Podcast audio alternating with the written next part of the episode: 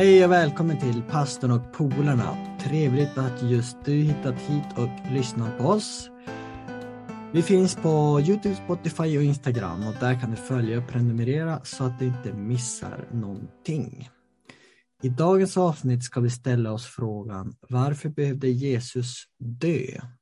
Ja, det är många som har ställt sig den frågan.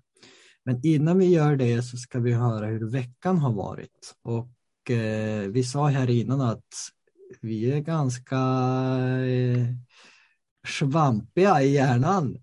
Vad är det som har hänt? Ja, vi har ju varit på samma plats allihopa på påsklägret. Ja, precis. Ett intensivt läger med otroligt eh, mycket spännande, både aktiviteter och möten. Det är bara att söka på Youtube, påsklägret, eh, påskläger Slussfors 2022 så kan ni se video på det.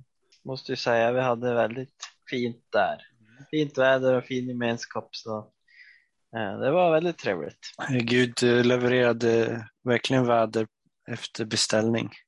Jag hörde någon som på påsklägret, någon, en person frågade en annan, hur länge ska man, eh, måste man lägga in en beställning, hur länge eh, innan måste man lägga in en sån här beställning på vädret? Ja, vi har redan lagt in för nästa år. Så... Vi hade lagt in två år i förväg eller något sånt. Det var otroligt fint. Ja, sen har vi ju rest hem i, ja, vi har väl ungefär 10-12 timmar eh, dit vi bor nu i alla fall. Så ja, det var det det. Men till, till dagens ämne då. Varför behövde Jesus dö? Eh, som sagt, det har man ju pratat om i, i princip. I princip sen Jesus dog så har folk frågat sig varför behövde han det? Ja, och så är det nu speciellt i påsk så är det ju, firar man ju nästan att han dog eller att han uppstod. Då. Så det passar ju bra. Och då står det så här i vårt häfte studiematerial som vi kör som heter Jag är. Eh, så står det så här. De flesta människor firar inte sättet som berömda människor dog. Särskilt inte om de blev avrättade på ett smärtsamt och grymt sätt. Men kristna finner sitt hopp i Jesus död på korset. Det fanns en viktig orsak till att Jesus dog på korset.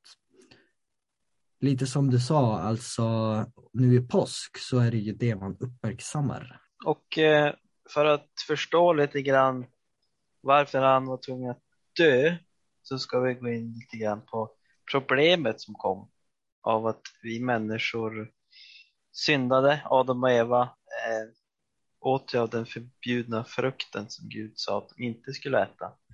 Därmed så har synden varit en del av våra liv som människor. Eh, jag ska läsa ett litet stycke och så några bibeltexter om det, eh, också från häftet.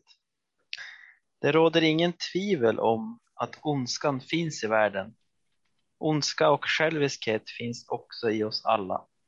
Bibeln berättar för oss att ondskan leder till smärta, lidande och död. Och så ska vi läsa två texter eh, som tar upp just det här. Den första är hämtad från Romarbrevet 3 och 23. Där står det så här. Alla har syndat och saknar härligheten från Gud. Den andra texten är från Jesaja 59 och 2. Nej, det är era missgärningar som skiljer er och er Gud från varandra. Era synder döljer hans ansikte för er så att han inte hör er. Okay, så det är beskrivningen av problemet. Vi är, vi är på något sätt skilda från Guds härlighet. Vi saknar härligheten från Gud. Kan man säga något mer om det? Ett, ett stort problem. Ja, och stora problem kräver stora lösningar. Och då får väl eh, Noel gå vidare med eh, vad Gud säger om lösningen. Ja, så Guds svar är då eh, Johannes 3.16. Men eh, han kom ju till den här världen för att lösa problemet då. Så ska vi läsa, jag kan läsa Johannes 3, 16, 17. Så älskade Gud världen att han gav den sin enda son för att de som tror på honom inte ska gå förlorad utan ha evigt liv. Det var inte för att döma världen som Gud sände sin son, utan för att världen skulle räddas genom honom. Så det är ju ganska rätt på sak, tydligt. Jag tänkte bara nu spontant här att det står det var inte för att döma världen som Gud sände sin son utan för att världen skulle räddas. Jag menar, vi pratar ju också om att Gud ska döma världen också. Jo, det kommer väl en dom eh, en gång på något vis. Jo, det gör det, men det kanske inte hör ihop med just det eh, varför Jesus kom och behövde dö. Det är ju snarare att annars hade alla blivit dömda. Ja, precis. Därför att när Jesus kommer så, så är det ju ganska klart och tydligt i Bibeln att han kommer med en frikännande dom för alla som tror och vill och har valt att följa honom. Sen finns ju de som inte väljer det och då, då får ju de inte det eh, erbjudandet om man så säger. Men Jesus behövde ju komma för att dö för eh, någon behövde ju dö för Eh, syndens lön är ju döden. Den, läs, den texten läste vi inte men det står ju syndens lön är döden. Okej, så ja, det var en, en text till där. Jo, jag kan läsa den. Efesierbrevet 2, 4 och 5. Men vår Gud som är rik på barmhärtighet har älskat oss så mycket att han gjorde oss levande tillsammans med Kristus, trots att vi var döda genom våra överträdelser. Det är av nåd som ni är räddade. Så det står ju att vi var döda genom våra överträdelser. Alltså, alltså vi, vi ägde inte liv. Ja, vi levde ju men vi ägde inte liksom något eh, livet. Ja, Det står ju i Bibeln att eller, vi är ju födda in i synden. Det står ju i Bibeln också. så att så fort vi, så fort vi föds den, då, då påbörjar vi resan mot döden. Mm. Det är lite, lite eh, vad ska man säga, tragiskt på ett sätt. Det är ju speciellt att tänka på det på det viset. Ja, men eh, Jesus eh, kom, han älskade världen, han, Ja, det står ju, ja, det står ju där i slutet att det är nåd. Det är nåd som, så han, är, ju- han är ju nådig och barmhärtig. Det är ingenting som vi gör. Nej, ingenting vi kan göra i oss själva utan vi måste, vi måste komma till Gud. För det är han som har livet. Vi kan inte rädda oss själva. Vi kan inte liksom, eh, eh, vi kan inte, ja, vi kan inte dra oss upp ur vår egen grop själv. Det går inte. Det behövs en annan, någon som ta, hjälper oss utifrån. Eller kanske gräva oss ur. Då hamnar vi bara, bara längre ner. Ja, vi hamnar längre ner eller så gräver vi bara en bredare grop. Men jag menar, det, finns ju alla möjliga varianter på att, eh, att man ska försöka rädda sig själv och fly. Ja, men alltså, man behöver ju bara eh, gå till Hollywood eller till någon annan där så finns det alla, alla möjliga lösningar på ens problem. Mm, jo. Men inte livet. Enda lösningen på livet det är väl att, ja, det som står här. Att tro på att Gud sände sin son och, och för att, för att eh, rädda världen, för att rädda du och jag. Liksom. Ja, men eh, resultatet kommer vi till nu då. Det är någonting otroligt som, som han gjorde där på korset. Och eh, vi har valt ut två verser här också. Eh, Där den första är Romarna 5 och 10. Om vi då var Guds fiender men blev försonade med honom genom hans sons död så kan vi därför, när vi nu är försonade, också vara säkra på att vi blir räddade genom hans liv. Ja, det är intressant. Därför att Jesus, alltså hans liv, på grund av att Jesus liksom, han inte bara dog, men han levde också. Han liksom, på grund av att han levde så kan vi också liksom få del av det livet på något sätt. Jag vet det, det låter kanske lite sådär flummigt, men Ja, alltså jag, jag, har, jag har sagt det här förut en gång minns jag. Men det passar ju bra. Eh, alltså, om eh, jag eh, har ju syndat och måste ju dö för min synd. Och Anton kan ju inte dö för mig, för då dör han ju för sin synd. Och Jesus kom ju ner hit och levde ett syndfritt liv. Därför kunde han dö för oss. Ja, ja, det var väldigt bra eh, sagt faktiskt. För Det har ju lite med liksom att han genom hans liv, det han levde, inte bara det att någon var tvungen att offras utan att ja, han levde faktiskt ett syndfritt liv och, och eh, gjorde det för oss. Ja, därför att alltså, skillnaden på när man offrade ett lamm för sina synder och att Jesus liksom dog för våra synder är ju att ett, ett, ett lamm, det var ju bara ett, ett, ett offer.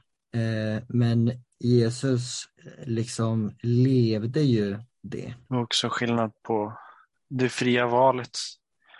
Jag tror inte fåren eh, valde att bli offrade, men Nej, det var ju den som offrade fåret som valde att den skulle bli offrad. jag tyckte det var lite fint också det här med att innan, innan Jesu död så var vi alla Guds fiender.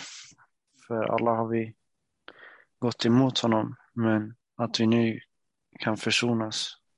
Ja, det är ju Gud som, det är inte liksom inte vi människor som har tagit initiativet till att försonas med Gud, utan det var ju han som gjorde det. När det finns någon vers, typ att redan medan vi var syndare så, jag minns inte exakt hur den går, men Jo, men liksom att Gud har ju alltid tagit initiativet till att försöka återställa eh, relationen till oss.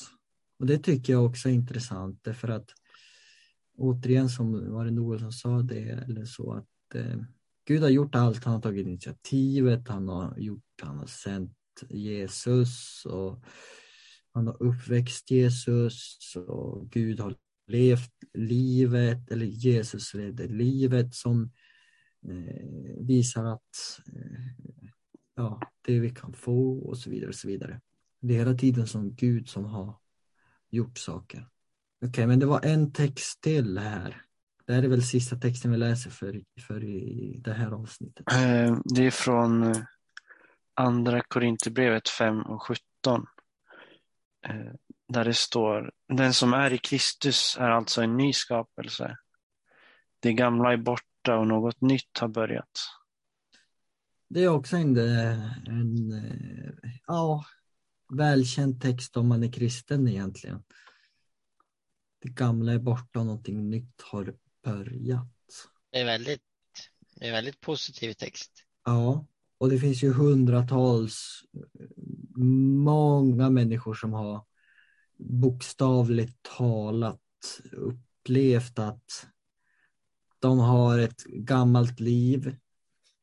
Eh, och så någonstans på vägen mötte de Jesus eller någonting hände. De började läsa Bibeln eller eh, eh, någon gav dem någon andlig bok. Eller det kan vara att de möter Gud i en nära döden upplevelse eller någonting, någonting, någonting. Och efter det så har de ett totalt helt nytt förändrat liv. Och jag tycker det är svårt att, att liksom eh, se sådana människor och se deras förändring och inte tro att mm, Gud har gjort någonting eller Jesus har gjort något. För, för vad, skulle det annars, vad skulle det annars ha varit? Jag, menar, jag måste ju tro på dem som säger så. Ja, det är en, ett bevis på att Gud finns också på något vis också. Ja, för den personen eh, finns ju Gud, liksom, är ju Gud väldigt verklig och extremt liksom, avgörande i den personens liv. Har vi svarat på frågan varför Jesus behövde det då? Ja, det är väl för att vinna seger över döden. I början var det, eller det var ett, ett problem som behövde åtgärdas.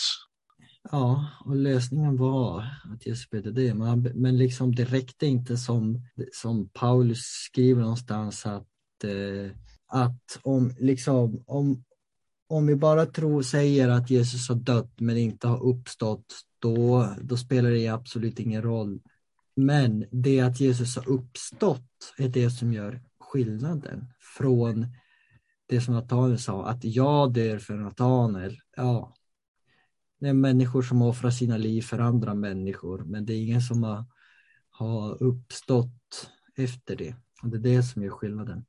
Ja, var det några slutgiltiga tankar? Eh, Det var väl en fråga här bara eh, i häftet liksom. Hur känner du själv när du tänker på att Jesus dog för just dig? Jag känner eh, att jag är värdefull och att jag betyder någonting för Gud, att han ville göra det. Och därför har mitt liv ett värde och det finns större syfte med, ja, med, med, med att man lever och att man gör det man gör. Så att jag känner, ja, det är så jag känner. Det blir mer personligt. Det är ju lätt att tänka på, tänka generellt att han gjorde det för, för mänskligheten eller så, men, men att han, han gjorde det för oss var och en och om det bara hade varit en av oss som hade valt att tro på det så hade det ändå varit värt det. Det är ganska stort. Det kanske får vara våra avslutande tankar för det här avsnittet helt enkelt. Som sagt, eh, tack för att ni har lyssnat idag och så hörs vi igen nästa vecka. Glöm inte prenumerera och dela avsnittet och, och följ oss så att ni inte missar någonting. Ha det bra, vi hörs. Hej då! Hej då! Hej då!